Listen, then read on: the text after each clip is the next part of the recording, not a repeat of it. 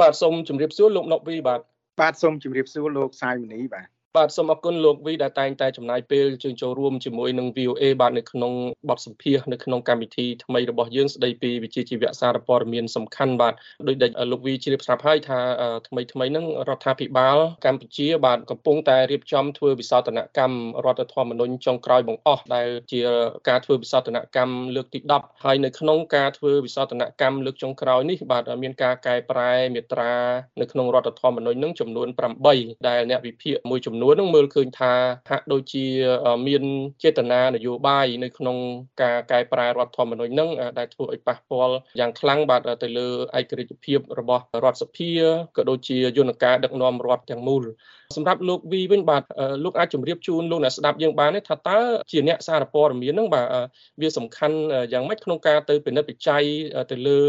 ការធ្វើវិសោធនកម្មរដ្ឋធម្មនុញ្ញកម្ពុជានឹងលោកវីបាទ ជារួមខ្ញុំក្នុងនាមជាអ្នកដែលធ្វើការនៅក្នុងវិស័យសារព័ត៌មានមួយក៏ដូចជាស្ថាប័ន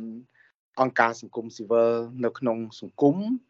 អឺយើងដឹងហើយថាការធ្វើវិសោធនកម្មរដ្ឋធម្មនុញ្ញអឺវាជានិច្ចកាលតិចឬច្រើន វានឹងបង្កឲ្យមានផលប៉ះពាល់ ជារួមផលប៉ះពាល់ជារួមនេះគឺថាវាមានផលខ្លះក៏វាជាផលវិជ្ជមាន ហើយផលខ្លះទៀតក៏ផលអវិជ្ជមាន នៅក្នុងសង្គមរបស់យើងហើយផលប៉ះពាល់ហ្នឹងគឺវាជាទូទៅវាកើតមានឡើងទៅលើទស្សនវិជ្ជាសង្គមទាំងមូលហើយក្នុងវិស័យសារព័ត៌មានក៏វាមានចំណុចខ្លះនឹងមានផលប៉ះពាល់ខ្លះវាជះឥទ្ធិពលមកលើវិស័យសារព័ត៌មានដែរដោយសារតែយើងដឹងថារដ្ឋធម្មនុញ្ញនេះគឺជាច្បាប់កម្ពុជា គឺជាច្បាប់កម្ពុជារបស់ជាតិដូច្នេះវាច្បាប់កម្ពុជារបស់ជាតិវានាំឲ្យមានការរៀបចំតាក់តែងការរៀបចំបង្កើតច្បាប់ផ្សេងផ្សេងទៀតហ្នឹងគឺថាត្រូវឲ្យមានភាពស្របជាមួយនឹងរដ្ឋធម្មនុញ្ញហ្នឹងឯងអញ្ចឹងបើសិនជារដ្ឋធម្មនុញ្ញយើងចែងដោយ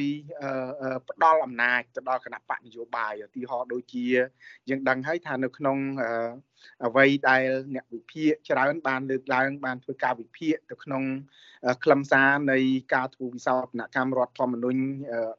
លើកទី10ដោយលោកមនីបានជម្រាបជូនមិញនេះអញ្ចឹងគឺថាមានការលើកឡើងឬក៏ការព្រួយបារម្ភថាការធ្វើវិសោធនកម្មនេះអាចជាការផ្ដល់អំណាចទៅឲ្យគណៈបកនយោបាយជាជាងការផ្ដល់អំណាចច្រើនទៅឲ្យសភាបាទការផ្ដល់អំណាចច្រើនទៅដល់សភាដោយសារតែយើងដឹងហើយថានៅក្នុងការកែប្រែជាពិសេសមាត្រា119ថ្មី2ហ្នឹងគឺយើងឃើញអំពីការដាក់សំណើរបស់គណៈបកនយោបាយដែលមានសម្លេងច្រើននៅក្នុងការបោះឆ្នោតដែលទទួលបានសម្លេងច្រើននៅក្នុងការបោះឆ្នោតហ្នឹងគឺគាត់អាចដាក់ស្នើទៅកាន់ ដាក់ដាក់ស្នើដែលបង្កើតរដ្ឋាភិបាលហ្នឹងទៅកាន់ព្រះមហាក្សត្រថ្វាយព្រះមហាក្សត្រតែម្ដងអញ្ចឹងកន្លងមកវាមានការដាក់ស្នើហ្នឹងទៅកាន់សភាបានសភារៀបចំដែលស្នើហ្នឹងទៅថ្វាយព្រះមហាក្សត្រអញ្ចឹងចំណុចនេះគឺជាចំណុចមួយដែលជំរុញឲ្យមានការព្រួយបារម្ភចំណុចទី1ចំណុចទី2រឿងតាក់ទងជាមួយនឹងការគ្រប់គ្រងអំណាចនេះគឺក៏នឹងផ្ដល់ផលប៉ះពាល់ដែរទៅដល់កិច្ចការងាររបស់អ្នកសារព័ត៌មានខ្ញុំសូមលើកតែឧទាហរណ៍ខ្លីមួយទេថាយើងដឹងហើយថាកន្លងមកនៅពេលដែលមានការបោះឆ្នោតឬក៏នៅពេលដែលមានវិបត្តិនយោបាយម្ដងម្ដងកាលណានៅពេលដែលមានវិបត្តិនយោបាយម្ដងម្ដងនេះគឺថាអ្នកសារព័ត៌មានជានិច្ចកាលគឺតែងតែคล้ายទៅជាជនរងគ្រោះហើយប្រសិនបើដែលច្បាប់កម្ពុជារបស់យើង ប្រមូលផ្ដុំអំណាចទៅឲ្យគណៈបកនយោបាយកាត់កាត់បន្ថយអំណាចរបស់សភា មានន័យថាគឺអាចនឹងបង្កឲ្យមាន ផលប៉ះពាល់ជាអវិជ្ជមានទៅដល់កិច្ចការងាររបស់អ្នកសារព័ត៌មានដែរខ្ញុំមិនអាចទូទាយទុកមុននេះក៏ប៉ុន្តែជានិច្ចកាលដូចខ្ញុំលើកឡើងអញ្ចឹងថា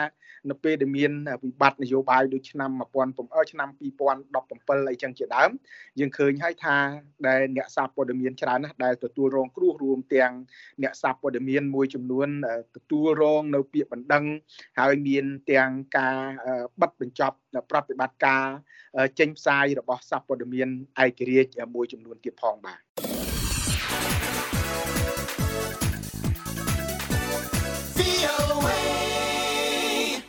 បាទលោកវី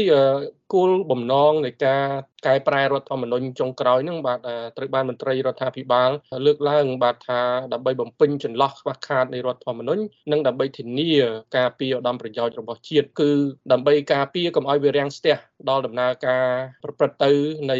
ស្ថាប័នជាតិបាទស្ថាប័នដឹកនាំរដ្ឋពលគឺក្រោយការបោះឆ្នោតហ្នឹងកុំឲ្យមានការជាប់គាំងនយោបាយដោយដែលបានធ្លាប់កើតឡើងកន្លងមកអីជាដើមហ្នឹង សម្រាប់រូបលោកដែលពិនិត្យមើលតាមដានទៅលើបញ្ហានេះដែរនឹងតើនេះជាគោលបំណងពិតប្រាកដនៃការធ្វើឬក៏ការកែប្រែរដ្ឋធម្មនុញ្ញលើកចុងក្រោយនេះទេលោកវីបាទជានិច្ចកាលយើងតែងតែមានទស្សនៈយល់ឃើញផ្សេងផ្សេងគ្នាខ្ញុំគិតថាតាមពិតទៅអ្វីដែលជាការយល់ឃើញរបស់អ្នកដែលគាត់មានបំណងនៅក្នុងការជំរុញឲ្យមានការកែប្រែ ឬក៏ធ្វើវិសោធនកម្មរដ្ឋធម្មនុញ្ញជាពិសេសរដ្ឋាភិបាលបច្ចុប្បន្នដែលកំពុងតែទទួលរងនឹងការរិះគន់ពីមជ្ឈដ្ឋានមួយចំនួនថាការកែប្រែរដ្ឋធម្មនុញ្ញនៅក្នុងពេលបច្ចុប្បន្ននេះគឺនៅក្នុងប្រទេសយើង គឺជាពិសេសរដ្ឋាភិបាលកំពុងតែដឹកនាំដោយគណៈបកនយោបាយតែមួយគឺគណៈបកប្រជាជនកម្ពុជាទី1ទី2បើសិនជាយើងពិនិត្យនៅក្នុងសភាទៅទៀត យើងឃើញហើយតួលេខឬក៏ចំនួននៃសមាជិកសភាទាំងអស់ហ្នឹងចាប់តាំងពីមានការរំលាយគណៈបកនយោបាយដែលមិនស្ថិតនៅក្នុងរដ្ឋាភិបាលគឺគណៈបកអតីតគណៈបកសង្គ្រោះជាតិមកយើងឃើញថាសភាក៏គ្រប់គ្រងដោយគណៈបកនយោបាយតែមួយដែរគឺគណៈបកប្រជាជនកម្ពុជាអញ្ចឹងបើសិនជាយើងពិនិត្យមើលឱកាសនៃការរៀបចំកែប្រែការបោះឆ្នោតការគ្រប់គ្រងនៅក្នុងការធ្វើវិសោធនកម្មរដ្ឋធម្មនុញ្ញនេះបើនិយាយទៅគឺរដ្ឋាភិបាលគាត់មានភាពងាយស្រួលហើយបើសិនជាយើងពិនិត្យមើលចំណុចមួយទៀតគឺរដ្ឋាភិបាលដែលដឹកនាំដោយគណៈបកប្រជាជនកម្ពុជាក៏គាត់មានភាពងាយស្រួលនៅក្នុងការជំរុញឬក៏ស្នើឲ្យមានការកែប្រែរដ្ឋធម្មនុញ្ញឬក៏ធ្វើវិសោធនកម្មរដ្ឋធម្មនុញ្ញនេះផងដែរ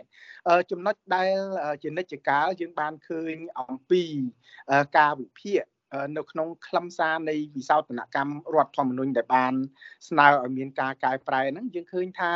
វាមានមាត្រាមួយចំនួន ជាពិសេសខ្ញុំសូមលើកដែលសំណើសូមកែប្រែឬក៏សំណើវិសោធនកម្មមាត្រា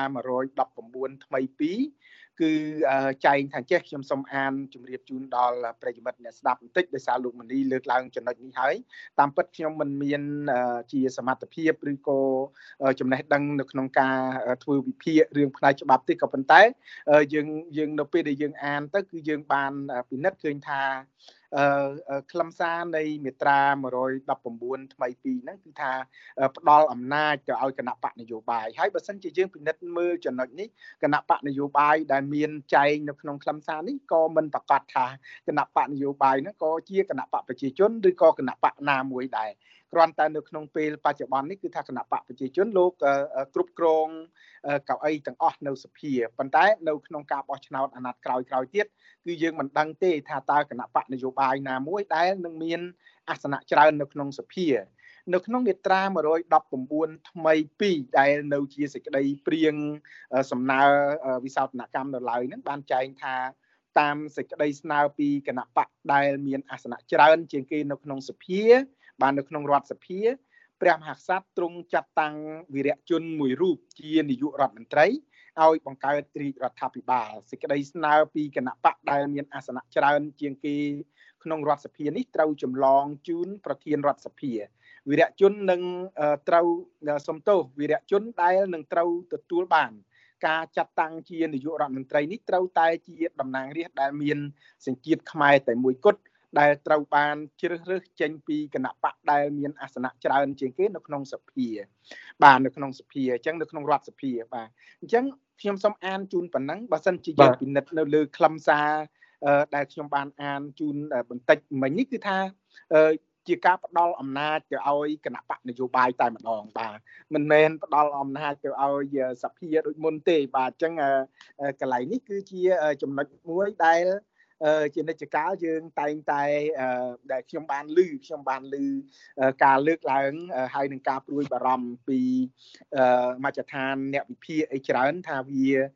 ជាការកាត់បន្ថយអំណាចរបស់សភាហើយការកាត់បន្ថយអំណាចរបស់សភានេះវានាំឲ្យ ការរក្សានៅការត្រួតពិនិត្យអំណាចគ្នាទៅវិញទៅមកដែលយើងហៅថា check and balance ហ្នឹងបាទគឺវានឹងត្រូវបានប្រែប្រួលដោយសារតែការកាត់បន្ថយអំណាចនៅក្នុងសភាអញ្ចឹងវាអាចនឹងធ្វើឲ្យមានការប្រែប្រួលដែលធ្វើឲ្យអធិបុលរបស់សភានៅក្នុងការត្រួតពិនិត្យអំណាចផ្សេងផ្សេងទៀតដូចជាអំណាចរដ្ឋាភិបាលយើងហៅថាអំណាចនីតិប្រតិបត្តិហ្នឹងគឺថាអំណាចនីតិបញ្ញត្តិហ្នឹងអាចខ្សោយជាងបើកាលណាខ្សោយជាងគឺពិបាកនៅក្នុងការត្រួតពិនិត្យពិបាកនៅក្នុងការជំរុញឲ្យមានការអនុវត្តអំណាចនៅក្នុងគោលដៅមួយដែលត្រឹមត្រូវបាទ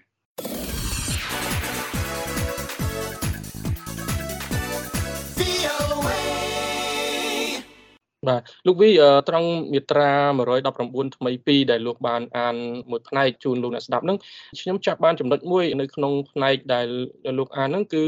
មានមួយ clear ដែលបញ្ជាក់ថាតំណាងរាស្ត្រដែលមានសញ្ជាតិ ខ្មែរតែមួយចំណុចនេះគឺពាក់ព័ន្ធទៅនឹងការធ្វើវិសោធនកម្ម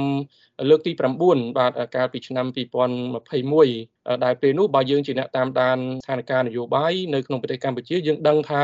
វិសោធនកម្មរដ្ឋធម្មនុញ្ញនៅពេលនោះគឺសម្ដៅទប់ស្កាត់បាទមេដឹកនាំគណៈបកប្រឆាំងនិយាយឲ្យចំគឺលោកសំរងស៊ីដែលមានសញ្ជាតិ2គឺសញ្ជាតិខ្មែរផងនិងសញ្ជាតិបារាំងផងកុំឲ្យមាន លទ្ធភាពឬក៏ឱកាសក្នុងការមកដឹកនាំប្រទេសបានបើសិនជាចូលរួមនយោបាយអញ្ចឹងខ្ញុំចង់សួរលោកវីដែរកន្លែងហ្នឹងបាទដោយសារតែមេដឹកនាំគណៈបកប្រឆាំងដែលបច្ចុប្បន្នកំពុងនៅក្រៅប្រទេសគឺលោកសំរងស៊ីនោះក៏បានធ្វើអត្ថាធិប្បាយទៅលើការធ្វើវិសោធនកម្មលើកទី10នៃរដ្ឋធម្មនុញ្ញចុងក្រោយនេះដែរបាទដោយលោកលើកឡើងថាគោលដៅ